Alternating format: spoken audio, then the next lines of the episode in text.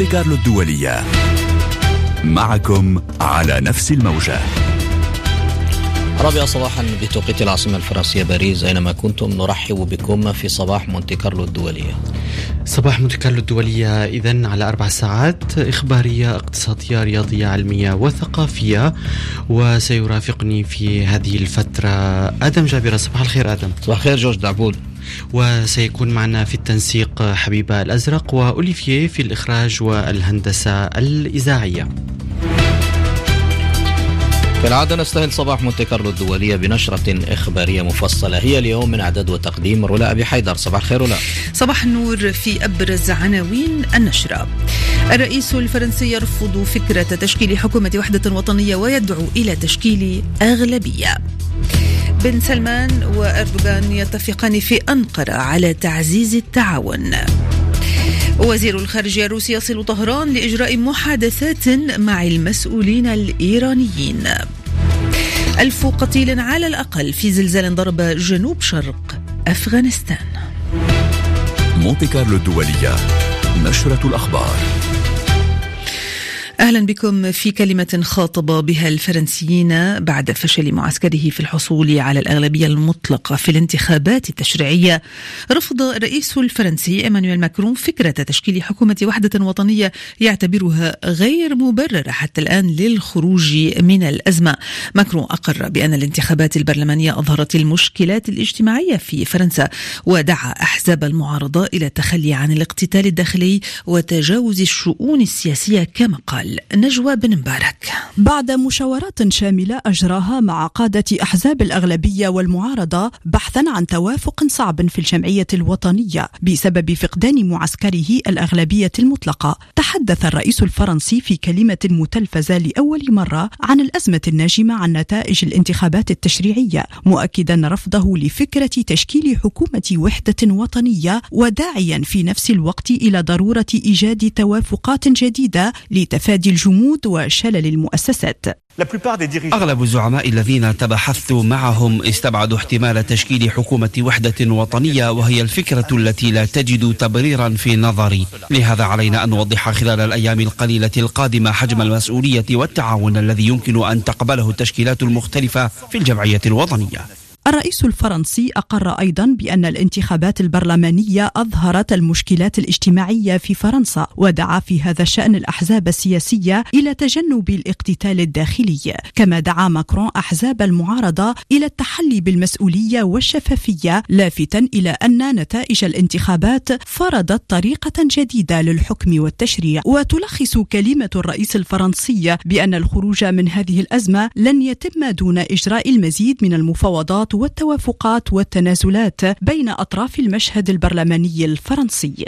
في الشأن الفرنسي دائما قال مكتب المدعي العام في باريس إنه فتح تحقيقا في مزاعم اغتصاب ضد وزيرة الدولة الفرنسية للتنمية والفرنكوفونية كريسولا زاكاروبولو بعد تلقي الشكاوى وزاكاروبولو طبيبة تخصصت في السابق في طب أمراض النساء قبل أن تدخل عالم السياسة. وذكرت وسائل إعلام فرنسية في وقت سابقا الشكاوى مرتبطة بعملها المهني. أنتم دائما في الاستماع إلى نشرة الرابعة صباحا من مونتي كارلو الدولية. تشهد ساحات القتال في منطقة لوغانسك ومدينة مدينة سيفيرو دونيتسك الرئيسية في شرق أوكرانيا. قصفا روسيا مكثفا جعلها بمثابة جحيم وفق ما قالت كييف مؤكدة في الآن نفسه أن قواتها ستصمد طالما لزم الأمر.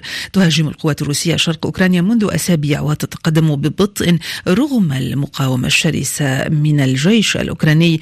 تزامنا وخلال لقاء على مستوى الخبراء بين وزارتي الدفاع التركية والروسية. عقد في موسكو. أكد الجانبان على أن أهمية التعاون الثنائي بينهما في ملف نقل الحبوب في أوكرانيا. أكدوا على أهمية التعاون وضمان سلامة الملاحة البحرية في المياه الإقليمية الأوكرانية. من موسكو مراد أحمد. مغادرة سفينة أزوف التركية التجارية ميناء ماريوبول بشكل آمن اعتبرها ممثل وزارتي الدفاع الروسية والتركية من أهم نتائج التعاون الثنائي وفي لقائهما بالعاصمة موسكو بحث الجانبان إمكانية الخروج الآمن للسفن التجارية التركية ونقل شحنات الحبوب والقمح للدول الأخرى.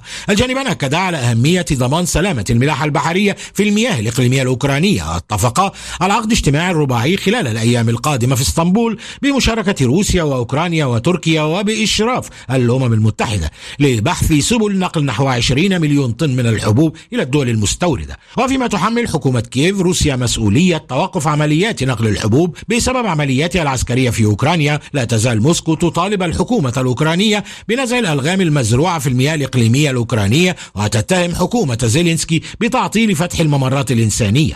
مصادر روسية كشفت أن تركيا تسعى للإسراع في فتح الممرات الإنسانية في المياه الإقليمية الأوكرانية ولم تستبعد التوصل لخارطة طريق لنقل الحبوب والقمح خلال الأيام القادمة. مراد أحمد موسكو مونتي كارلو الدولية. مسؤول كبير في البيت الأبيض أعلن أن مجموعة الدول السبع الصناعية الكبرى ستقدم في قمتها المرتقبة في ألمانيا نهاية الأسبوع الجاري مجموعة مقترحات ملموسة لزيادة الضغط على روسيا والإظهار الدعم الجماعي لأوكرانيا.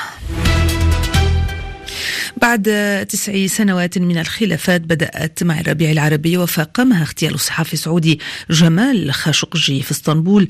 قام ولي العهد السعودي الأمير محمد بن سلمان بالأمس بزيارته الرسمية الأولى لتركيا وأكد البلدان عزمهما على تعزيز التعاون. التقى الرئيس التركي رجب طيب أردوغان ضيفه في القصر الرئاسي في أنقرة حيث عقد محادثات من أنقرة. حسن الطهراوي. اتفاق تركي سعودي على فتح صفحة جديدة من التعاون في العلاقات الثنائية تشمل الجوانب السياسية والاقتصادية والعسكرية والأمنية. جاء ذلك في إعلان مشترك صدر في أنقرة بعد انتهاء مباحثات ولي العهد السعودي محمد بن سلمان مع الرئيس التركي رجب طيب أردوغان. البلدان بحثا تسهيل التجارة بينهما وتطوير التعاون في مجال السياحة والطيران المدني. وفتح المجال لصناديق الاستثمار السعودية للاستثمار في الشركات التركية واتفقا على تفعيل الاتفاقيات الموقعة بينهما في مجالات التعاون الدفاعي وتعميق التشاور والتعاون في القضايا الإقليمية من أجل تعزيز الاستقرار والسلام في المنطقة. زيارة ولي العهد السعودي لأنقرة جاءت لتطوي أربعة سنوات من القطيعة. في علاقات البلدين بعد مقتل الصحفي السعودي جمال خاشقجي في قنصلية بلاده في إسطنبول. حسن الطهراوي أنقرة. مونتي كارلو الدولية. وحصل الفصل الأول من المصالحة نهاية نيسان أبريل عندما زار أردوغان الذي يخوض انتخابات رئاسية السنة المقبلة وعليه إنهاض اقتصاد يواجه صعوبات جمة في بلاده السعودية حيث بحث مع ولي العهد في سبل تطوير العلاقات بين البلدين. أشارت الولايات المتحدة إلى احتمال أن تتخذ دول عربية أخرى خطوة نحو تطبيع العلاقات مع إسرائيل خلال الزيارة المرتقبة للرئيس الأمريكي. الأمريكي جو بايدن إلى المنطقة منتصف تموز يوليو وذلك بعد عامين من اعتراف الإمارات والبحرين والمغرب بالدولة العبرية. هذا وأيد النواب الإسرائيليون في قراءة تمهيدية بالأمس بأغلبية ساحقة مشروع قانون ينص على حل البرلمان والدعوة إلى انتخابات جديدة ستكون الخامسة خلال أقل من أربع سنوات. من القدس زياد الحلبي. بأغلبية 110 أصوات وبدون أي معارضة أقر الكنيسة الإسرائيلي بالقراءة التمهيدية مشروع قانون حل البرلمان وجرى التصويت عمليا على 11 مقترحا من المعارضة والائتلاف دمجت معا. إجرائيا يصل القانون إلى لجنة الكنيست لتحضيره للتصويت في القراءات الثلاث كي يصبح قانونا نافذا. ومن المتوقع أن يستكمل التصويت الأسبوع المقبل.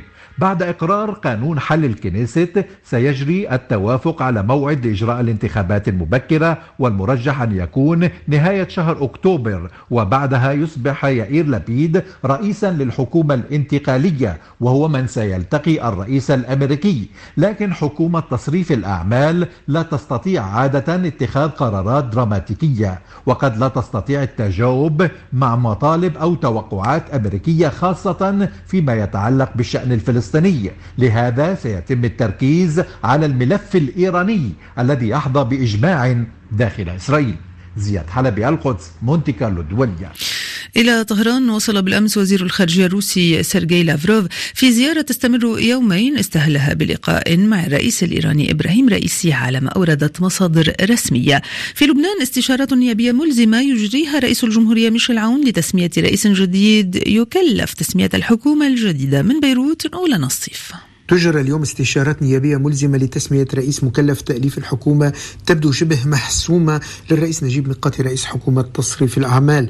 رفع من أسهم ميقاتي تمسك مؤيديه خصوصا حزب الله وحركة أمل وحلفائهما بينما انقسم النواب التغييريون والمعارضون والمستقلون على أسماء بديلة منها السفير نواف سلام. في المقابل رفض التيار الوطني الحر وحزب القوات اللبنانية ترشيح ميقاتي لرئاسة الحكومة دون ما أن يقترح منافسا له. ذلك تحسين فرصة ميقات للعودة إلى السرايا للمرة الرابعة. مع ذلك فإن تأليف حكومة جديدة لأربعة أشهر حتى موعد انتخاب رئيس جديد للجمهورية محفوف بالخطر نظرا إلى انقسامات الكتل وانهيار الأكثرية السابقة. وهو ما سيؤدي اليوم إلى تكليف ميقاتي بغالبية نسبية. ما يرجح أن تستمر حكومته في تصريف الأعمال نتيجة صعوبة التوافق على حكومة جديدة إضافة إلى التكهنات المبكرة بأن انتخاب رئيس جديد للجمهورية غير مؤكد بدوره. إن أولى نصيب بيروت مونتي كارلو الدولية. إلى ليبيا حيث قال رئيس الوزراء الليبي المعين من قبل البرلمان فتحي بشاغة إن حكومته تؤيد إخراج كل المقاتلين الأجانب والمرتزقة من البلاد. بشاغة حذر من جهة ثانية الأطراف الدولية من التعامل مع حكومة غير شرعية داعما لدعم حكومته سالم بخشيم من طرابلس. الواحد والعشرون من يونيو كان موعد انتهاء ولاية حكومة الوحدة الوطنية بموجب اتفاق جنيف. وفي هذا الصدد صرح بشاغ بأن حكومة الوحدة الوطنية قد انتهت ولايتها محليا منذ تكليف حكومته من قبل البرلمان وانتهت دوليا بموجب اتفاق جنيف. حذر بشاغ جميع الأطراف الدولية من التعامل مع حكومة غير شرعية داعيا لدعم حكومته والتي أطلقت خارطة طريق جديدة بعد فشل الحوار الدستوري في القاهرة. وأكد بشاغ على ضرورة إخراج كافة القوات الأجنبية من ليبيا وأن حكومته متمسكة بهذا القرار في إشارة إلى أن حكومته قادرة على التعامل مع قوات الفاغنر الروسية التي دعمت الجنرال حفتر فيما سبق والذي بات حليفا لبشاغة في الوقت الحاضر رغم إنكار بشاغة لأي علاقة له بموسكو. يأتي تصريح بشاغة تزامنا مع قرار البرلمان التركي بتمديد عمل القوات التركية في ليبيا حيث دخلت مجموعة جديدة من القوات التركية إلى ليبيا خلال الأيام الماضية. وتشهد العاصمة طرابلس تحشيدا أمنيا على المعابر الحدودية للعاصمة من قبل القوات الموالية لحكومة الوحدة الوطنية حيث يبدو المشهد أقرب إلى احتمالية حدوث نزاع مسلح على الأرض. سالم بخشيم طرابلس مونتي كارلو الدولية. لقي ألف شخص على الأقل حتفهم في زلزال قوي ضرب منطقة حدودية نائية في شرقي أفغانستان فجر الأمس حسب ما ذكرت السلطات التي تتخوف من ارتفاع حاصلة الضحايا من كابول محب الله الشريف. أول جهة لبت الدعوة كانت منظمة الصحة العالمية وأرسلت أكثر من تسعة أطنان من الدواء والأدوات الطبية التي هناك أمس حاجة لها. كما أرسلت وزارة الدفاع والداخلية قواتهما للاشتراك في عمليات إنقاذ المتضررين الذين لا يزالون ينتظرون من يصل إليهم وينقذهم من الهلاك أو على الأقل أن يدفن الذين لقوا مصرعهم في هذا الحادث الدموي لموجات الزلزال الشديد في تلك المحافظات. إلى جانب المسؤولين الحكوميين من الطالبان. هناك تحرك قوي بين أواسط الشعب الأفغاني لكن الشيء الوحيد الذي يعوق المسيرة هي أزمات اقتصادية التي يعاني منها البلد بأكمله بعد سيطرة طالبان في شهر أغسطس من العام المنصرم التدفق السريع والأقوى يرى في المجموعات المتجهة إلى المحافظات المتضررة لكن الشيء الوحيد المنعدم بكل ما يعنيه اللفظ هو التنسيق الحقيقي بين عملياتها. محب الله شريف كابل مونتي كارلا الدولية. والولايات المتحدة أعلنت أنها تدرس استجابة إنسانية محتملة للزلزال الذي ضرب أفغانستان من دون أن تستبعد أن تناقش مباشرة مع طالبان التي. لا تعترف واشنطن بحكومتها. بهذا الخبر نصل إلى ختام النشرة عودة للتذكير بأبرز ما جاء فيها من عناوين.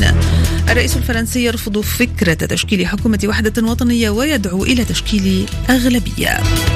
بن سلمان وأردوغان يتفقان في أنقرة على تعزيز التعاون. وزير الخارجية الروسي يصل طهران لإجراء محادثات مع المسؤولين الإيرانيين. ألف قتيل على الأقل في زلزال ضرب جنوب شرق أفغانستان. كانت معكم رولاء بحيدر في النشرة الإخبارية الأولى ضمن صباح مونتي كارلو الدولية. نواصل معكم هذه الفترة بفقراتها المتنوعة حتى الثامنة بتوقيت العاصمة الفرنسية باريس.